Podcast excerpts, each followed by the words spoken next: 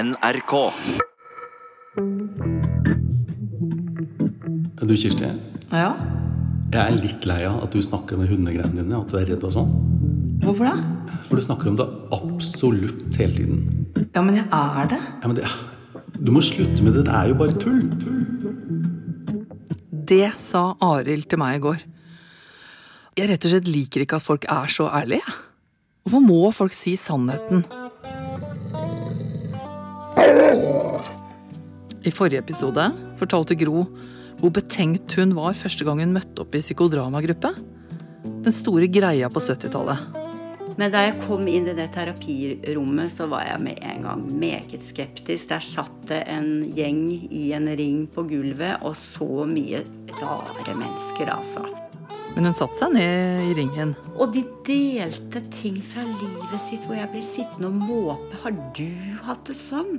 Har du opplevd det? Og når jeg selv våget å begynne å, å åpne meg, så viste det seg jo også at mange av disse folka jeg ikke trodde hadde noe til felles med, de gjenkjente seg i så mye av det jeg hadde delt og fortalt fra mitt liv. Dette ble et vendepunkt for Gro, faktisk. Vennene mine måtte jo le nesten jeg kom hjem og sa jeg har hatt en så fantastisk helg, jeg har grått hele tiden. Man kan nesten si nå er monopolet brutt. Vi har kommet til 80-tallet. Mange vil ikke lenger gå den tradisjonelle veien og bli psykolog. De kommer borti en eh, terapeutisk retning de har tro på, ofte et sted de selv har fått hjelp med sine problemer. Så går de på kurs og blir sertifisert innenfor det systemet. Sånn ble det for Gro Slettemark. Jeg heter Kirsti Kraft.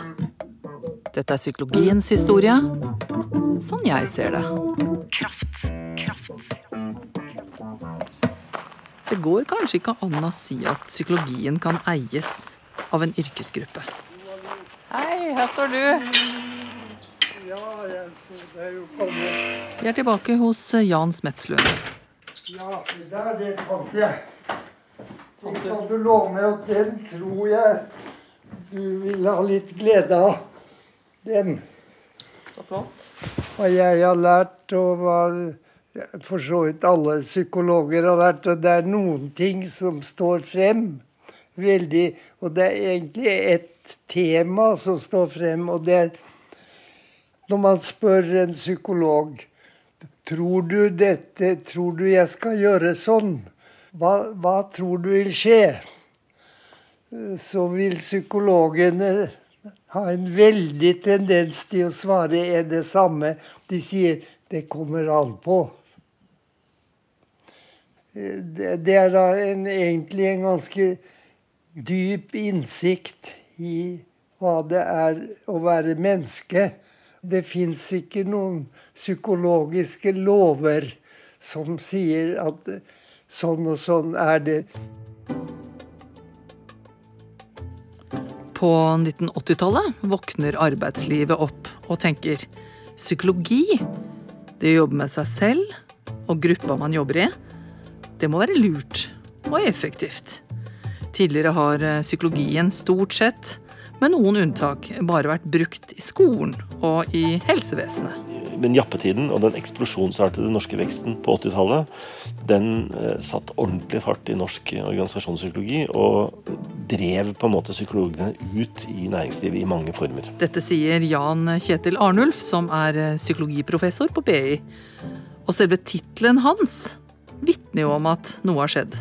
Var det akkurat som at norske bedrifter også våknet opp til at de kan bruke psykologi til å forstå menneskene på arbeidsplassen. Hvem de vil ha, hvem det ikke var så lurt å ansette, hva folk gjør med hverandre. Hvordan man kan lære dem opp osv. Så, videre. så plutselig så var det mye psykologi i norsk arbeidsliv. Og det å ha, bruke gruppepsykologiske metoder i en arbeidslivssammenheng er ikke helt uproblematisk. For Hvis du har nå fått en jobb, en mellomlederjobb i en bedrift og ønsker å gjøre karriere, og så kommer du sammen med alle de andre mellomlederne på et hotell, så vil du jo gjerne prestere. Hvis de som kommer inn der da begynner å bruke alle slags psykologiske påvirkningsmetoder, og sånn, så er det veldig vanskelig å vite hva vil det si å prestere. Er det f.eks. å begynne å grine? Altså du, Hvis de ønsker å få deg til å bryte sammen og begynne å grine, for at du skal være emosjonell, du skal kjenne deg selv, du skal kjenne på prosessen, ikke sant? så plutselig så ser du at det gruppepresset det blir plutselig eh, en realitet i en prestasjonskultur på en arbeidsplass, hvor folk skal da vise sjefene sine at de tar dette på alvor. De går gjennom hele øvelsen på en måte for å bli bedre ledere, hva nå det måtte være. Ja, dette kan professor Jan Kjetil Arnulf si. Og han sier det sånn han ser det nå i dag. Men nå er vi på 80-tallet. Og psykolog Terje Hotvedt er en ung mann som reiser til USA. Der blir han inspirert av noe de kaller sensitivitetstrening. Det tar han med seg hjem til Norge. Og det han syns er mest spennende med denne gruppeterapimodellen, det er at det er så lite struktur. Og det på en måte var det på en måte unike. Den mangel på vanlig ledelse. Mangel på den vanlige strukturen. Så lederen satt i grunnen bare ganske stille og lot ting flyte litt? Ja, han satt stille og lot ting skje. Men kunne det være sånn at en sa nå er jeg så lei av at du prater hele tida, nå må du holde kjeft? Ja, det kunne jeg se.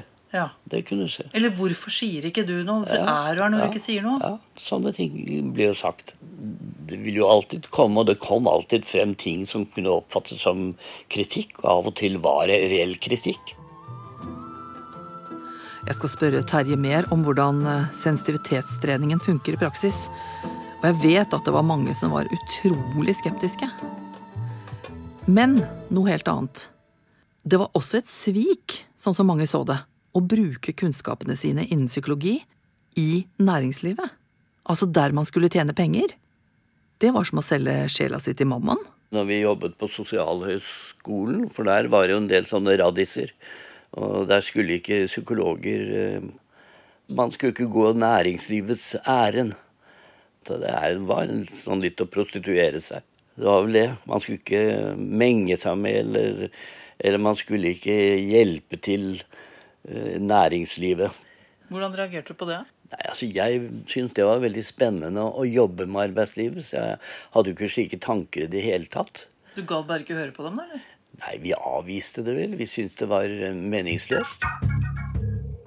Jeg husker en psykolog som jeg um, traff, som fortalte at han hadde han hadde blitt spurt av en bankdirektør, han er helt alminnelig sånn arbeidspsykolog. Og så hadde han blitt spurt av en bankdirektør i nabolaget sitt om han kunne in intervjue seks kandidater til en stilling. Dette var jo ikke noe vi var vant til å drive med. Ja, sier han, det kan jeg jo gjøre. Ja, Hvor mye han skulle ha for det? Så tenkte jeg, ja, seks sånne folk? Ja, jeg kan jo ha jo bankdirektørfyren, jeg kan sikkert smøre på litt sånn. Så jeg, nei, det kan jeg vel gjøre for 6000, sånn. Ja, per stykk, da, sa han bankdirektøren. ikke sant? Det høres jo lite ut i dag, men på 80-tallet så var liksom 6000 for en sånn jobb, det var, det var penger, det. altså det å plutselig få seksgangeren, det var liksom jackpot, da. Ja, psykologien møter næringslivet. Det er et møte mellom store penger og helt alminnelig statlige lønnstrinn. Plutselig så var disse psykologene, som bare noen få år i forveien hadde vært gått med, ja, med matpakke og, og strikkajakke og sånn, de var plutselig så var det mange av dem som var der ute. Ja, og i tillegg så dukker det opp en masse nye folk som kaller seg coacher og rådgivere. Som tråkker inn i psykologibedene og røsker med seg de nytteplantene de vet er salgbare. Teknikker og metoder og Psykologer følte at det ble litt sånn overløpt av coachmarkedet sier redaktør for Tidsskrift for Norsk Psykologiforening, Bjørnar Olsen. Det var nok en del som mente at det var litt tynt innhold i en del av de som kalte seg coachere. Ja, det var stor skepsis til hvor seriøse disse såkalte coachene var. Og da var det jo mange av de kursene som var litt sånn enkle helgekurs og litt raske løsninger for at man kunne gå ut og kalle seg coach. Og så tilbake til Terje Hotvedt og det han hadde tatt med seg fra USA, den såkalte sensitivitetstreningen, som ble veldig populær og veldig omdiskutert. Det er jo alltid sånn i grupper at det er noen som uh, eksponerer seg og blir uh, aktive, og andre som ikke tør og, uh, og trekker seg tilbake. Tenk deg sjøl. Du sitter i en gruppe, ser fra den ene til den andre. Noen sitter og ser ned på neglene sine og en annen ser opp i taket og skulle ønske han ikke var der. Og så er det en som begynner å snakke veldig mye. Og så er det kanskje en som begynner å si Hvorfor prater du hele tida? Du bare prater og prater og prater, interesserer ikke meg alt det du sier. Hvorfor er du så stille, sier han.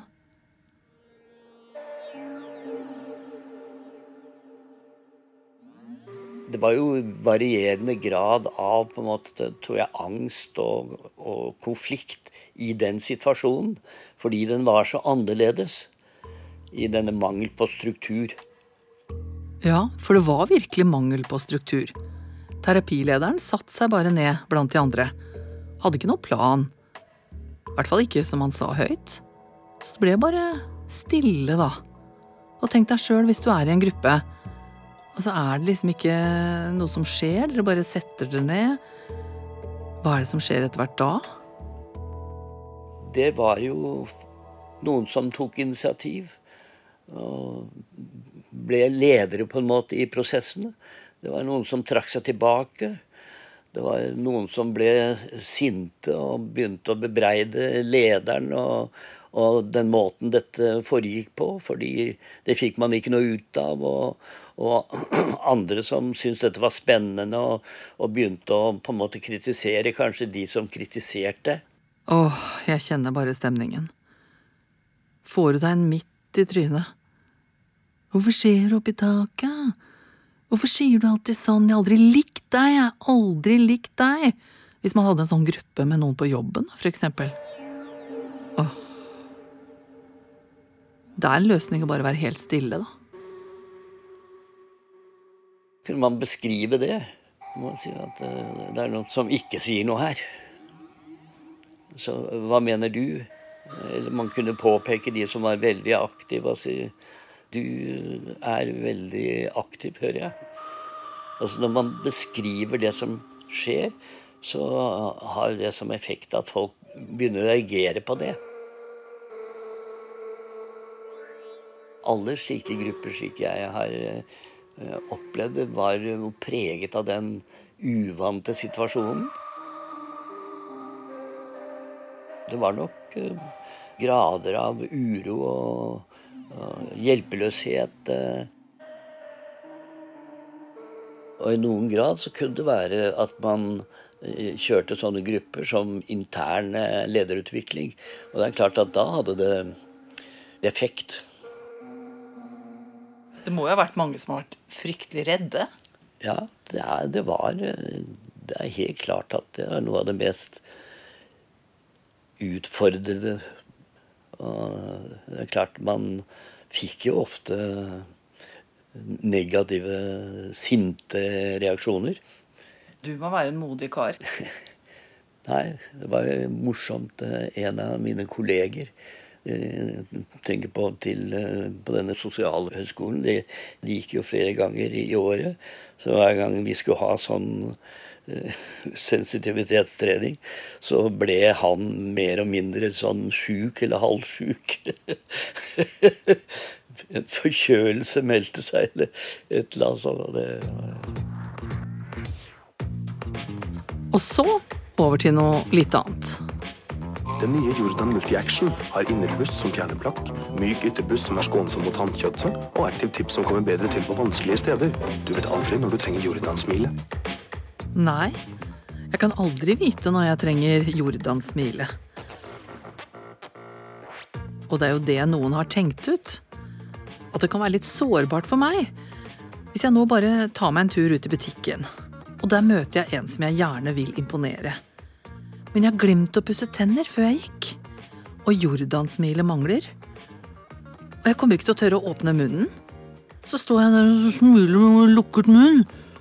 Nei, neste gang blir det Jordan. Bare så vidt jeg skal ut av døra. Jeg tar ingen sjanser. Men hvem er det som har laget denne reklamen, egentlig? Noen som har opplevd det selv, kanskje? Nei. Det er nok noen eh, lure psykologer som har vært med i bildet her. Og professor i psykologi på BI, Jan Kjetil Arnulf, vet at det har vært sterk uenighet om å bruke faget på denne måten. det har jo vært protester mot det fra psykologene. ikke sant? For at du kan se at det, det er på grensa til det uetiske. Skal psykologer f.eks. gjøre at, eh, bidra til at du får et eh, teater hver gang du går og handler, fordi at eh, noen har plassert varene som barna dine får lyst på, der hvor du er nødt til å stoppe rett foran kassa? Da kommer du og handler, ikke sant? og så er du sliten og trøtt, og så skal du stille opp foran kassa, og så får du barn som er tatt ut av barnehagen akkurat nettopp, og de gråter og skriker og skal ha, skal ha.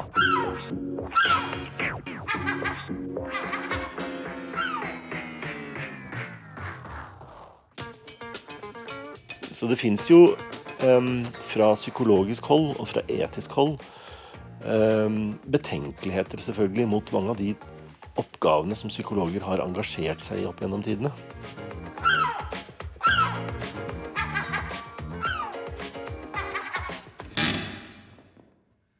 På 50- og 60-tallet er det mye som er privat. Hvis du, som du sier i dag, strever med noe psykisk, så sa man på den tiden at man hadde dårlige nerver. Eller bare at man hadde nerver.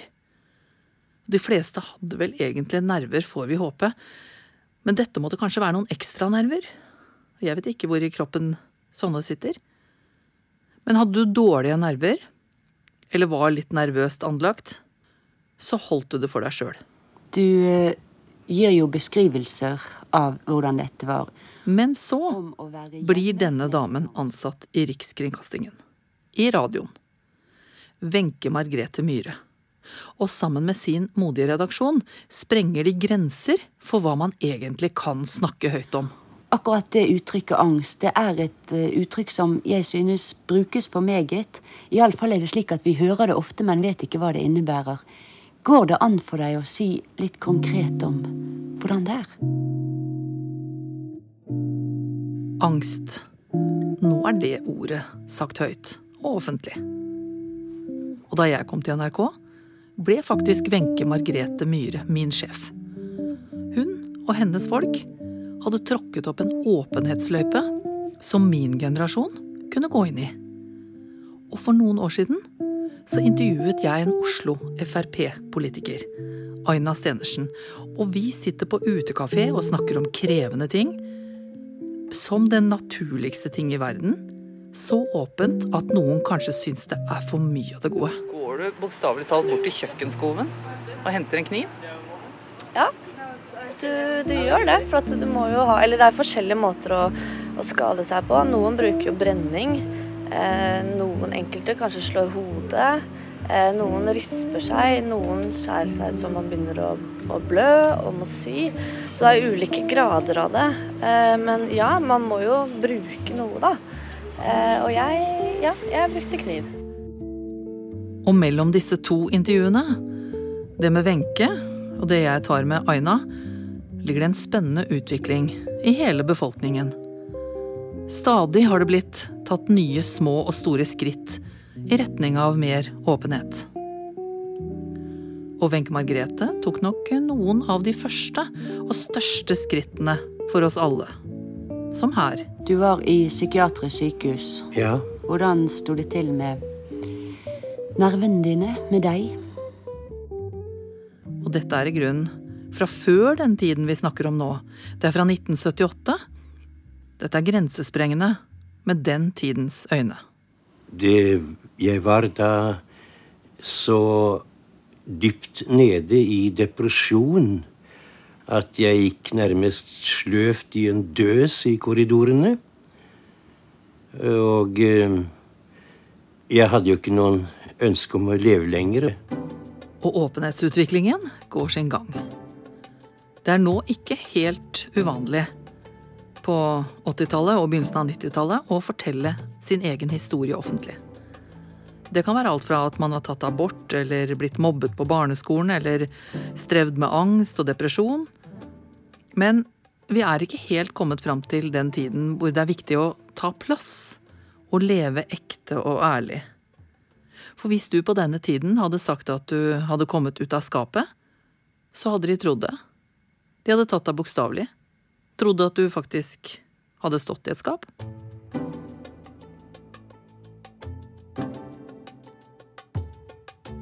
Mot slutten av 90-tallet skjer det noe helt uventet. Statsminister Kjell Magne Bondevik er sykemeldt foreløpig for ei uke pga. en depressiv reaksjon som følge av overbelastning. Det går fram av en pressemelding fra statsministerens kontor. Alle står helt stille når de hører dette på Dagsnytt. Statsministeren orker ikke å stå opp av senga. Han har fått en depressiv reaksjon. Siste mandagen i august i 1998 blir Kjell Magne Bondevik sykemeldt. Og bare etter noen timer melder børsen at totalindeksen har gått ned en halv prosent. Hva det betyr, vet jeg ikke helt, men jeg er sikker på at Bondevik den dagen ikke orker å bry seg. Han bare ligger på sofaen og trekker pleddet over hodet for å få fred. Det blir for mye, rett og slett. Han er et menneske. So they came to me, CNN, and they said, uh, Professor Seligman, would you tell us about the, the state of psychology today? We'd like to interview you about that. Så kommer denne mannen fram i det internasjonale lyset. But this is CNN, so you only get a soundbite. Han fenger store forsamlinger og er en av dem som grunnlegger en helt ny retning innen psykologien. Mot slutten av det forrige århundret. How many words do I get? I said, Well, one. Uh, cameras rolled, and she said, um, Professor Seligman, what is the state of psychology today? Good.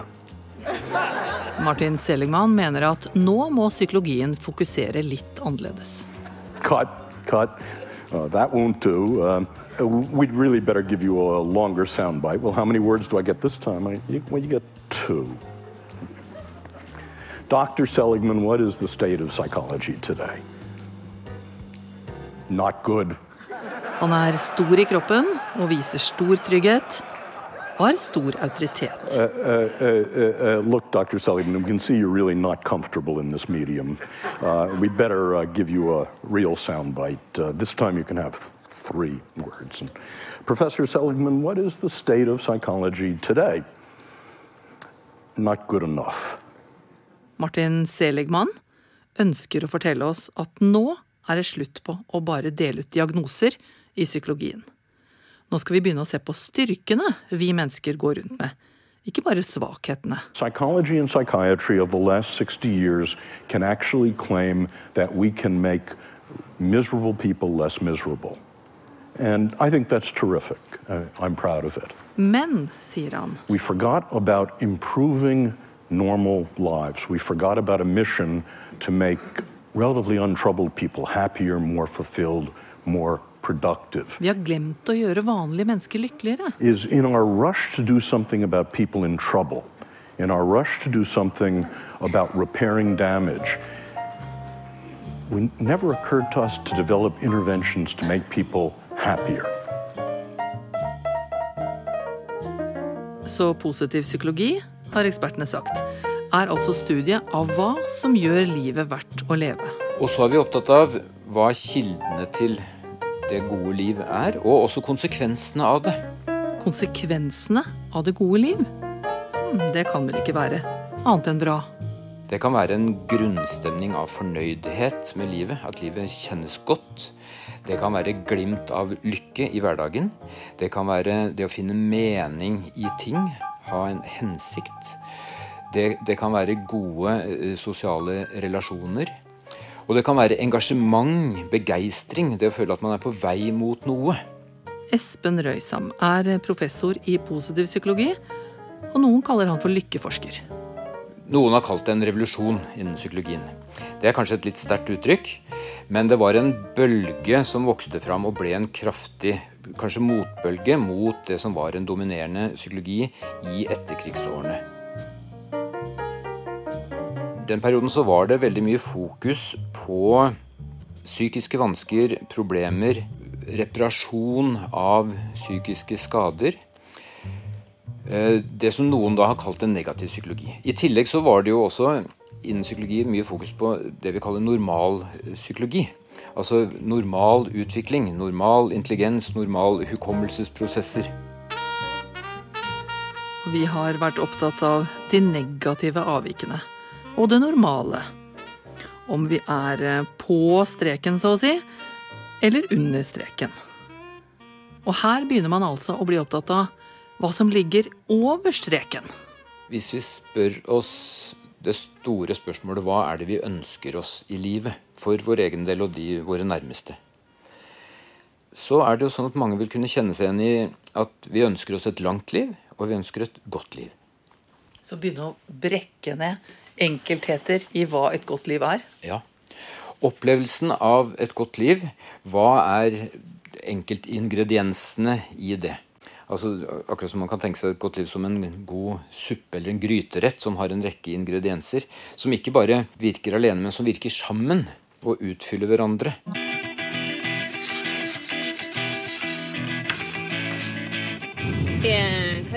Stine er en travel dame. Hun har meldt seg på TV-serien Oppdrag lykke. Vi følger fire personer som i løpet av åtte uker har som mål å bli mer lykkelig. Dessverre så er nok jeg eh, på jobb mer eller mindre 24 timer i, i døgnet. Jeg hadde egentlig tenkt å ha en sånn maratonløp og se om jeg rakk, om jeg rakk femflyet, for da, da, kunne jeg kanskje ha rett til treninga på, på kvelden. Og etter åtte uker sier eksperten dette. Her ser du resultatet fra den siste målingen vår. Mm. Og det som er interessant, er at alle variablene som vi har undersøkt, de har gått i riktig retning. Bra. Ja. Sånn at nå, eh, nå, ser det virkelig ut som at du slapper bedre av om natta. Mm. Det hadde jeg egentlig ikke trodd. Nei. Nei. Disse endringene vi ser nå, de viser jo tydelig at Stine slapper mer av. Og det vil antageligvis si at hun har litt lavere blodtrykk, hjertet jobber litt lettere. Og hun er rett og slett mindre stressa nå enn hun var før. Så du denne TV-serien? Den gikk på NRK TV i 2013. Og det er nå seks år siden. Nå rekker jeg i hvert fall å puste en halv gang. Før rakk jeg jo ikke å puste i det hele tatt. Det er klart at det ligger en stor motivasjonsfaktor i at du kjenner at det har vært en stor endring. Og én ting er å se rett inn i ruta når du er gira og nettopp er ferdig med et opptak på åtte uker, og si at det har hjulpet. Men hva skjer etter hvert? Har det noen langtidseffekt å jobbe aktivt med metodene fra positiv psykologi? Om å finne sine egne styrker? Eller er det bare snikksnakk, som noen hevder? Jeg skal nok klare å finne tilbake til Stine etter seks år og du skal få vite om denne metoden er en naiv flopp, eller om det er noe å satse på for flere. Du har hørt eh, sjuende episode i kraftserien Psykologiens historie. Lyddesigner Hilde Rolfsnes. Musikkresearch Kari Jacobsen. Fagkonsulent Ole Jakob Madsen. Prosjektleder Hege Haug Omre, og mitt navn er Kirsti Kraft.